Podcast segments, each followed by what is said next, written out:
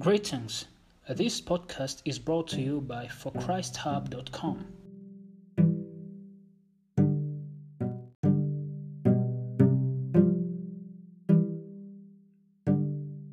Walk the talk. Since the fall of our first parents, Adam and Eve, we eat by the sweat of our forehead. From the time they fell short of the glory, they waited for the hope of a Savior from the bondage of sin and Satan. Many years passed, and the long awaited Savior came. Jesus Christ was born, died on the cross, and on the third day rose, and now he is in heaven, preparing for us a place so that where he is, we also will be. The good news is, for God so loved the world that he gave his only begotten Son, that whosoever believeth in him should not perish, but have everlasting life, as is found in John chapter 3, verse 16. In 1 John chapter 2, verse 25, and this is the promise that he has promised us, even eternal life. With this promise from the Father above, we may ask like the rich young ruler asked, What shall I do to inherit eternal life? What is eternal life? In John chapter 17, verse 3, and 1 John chapter 2, verse 3. And this is life eternal, that they might know you, the only true God, and Jesus Christ, whom you have sent. John also affirms, and hereby we do know that we know him, if we keep his commandments.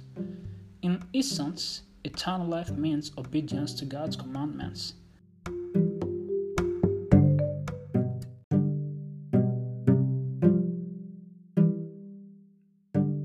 In the episode to the Hebrews is pointed out the single hearted purpose that should characterize the Christian's race for eternal life. Let us lay aside every weight and the sin which doth so easily beset us, and let us run with patience the race that is set before us, looking unto Jesus, the author and finisher of our faith. Hebrews chapter 12, verse 1 and 2. Envy, malice, evil thinking, evil speaking, covetousness, these are weights that the Christian must lay aside if he would run successfully the race for immortality.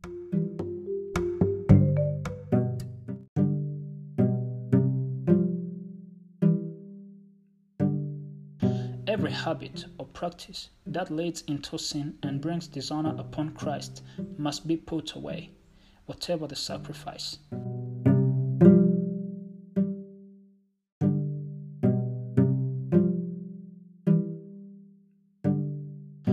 Blessing of heaven cannot attend any man in violating the eternal principles of right.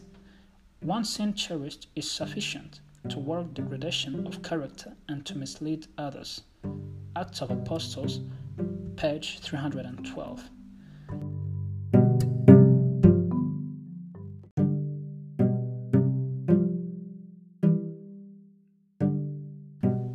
Life isn't about how much of we know of the end times, but how deep we prepare for the end times. Actions speak louder than words. This life is our time of preparation for the future life.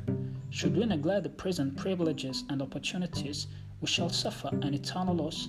No new probation would be given us. Walking the talk. Setting back and passing judgment on others is easier than self evaluation. David knew he needs God's continuing strength to help harmonize his walk with his talk. In such realization, he said,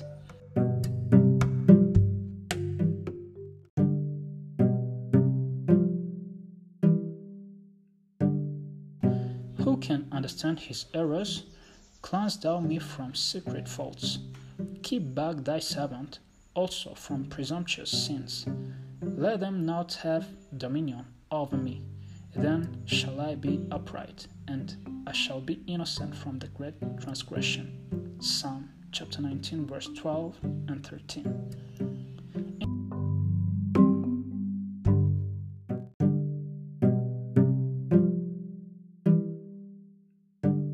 In contrast, Pharisees talked the good talk, were familiar with the scriptures, and good at issuing directions to others, but they just didn't get it.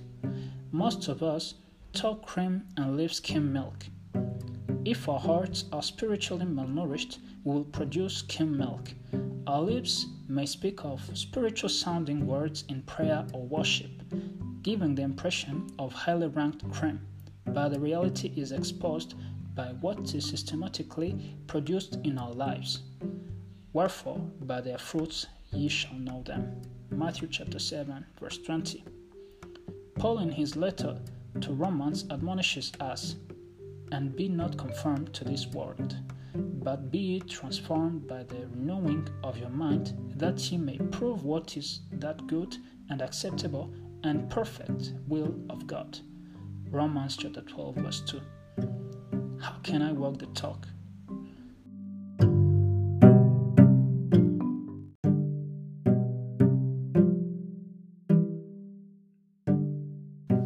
Every branch in me that bears not fruit, he takes away, and every branch that bears fruit, he purges it, that it may bring forth more fruit. John chapter 15, verse 2. The people must be made to understand that it is not the hearers, but the doers of the word who will gain eternal life.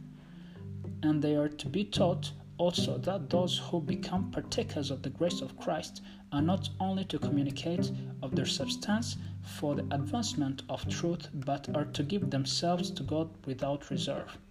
Gospel Workers, page 369. Jesus Christ requests every Christian to watch and pray.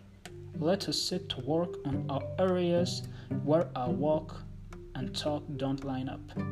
Let's walk the talk. May God bless you.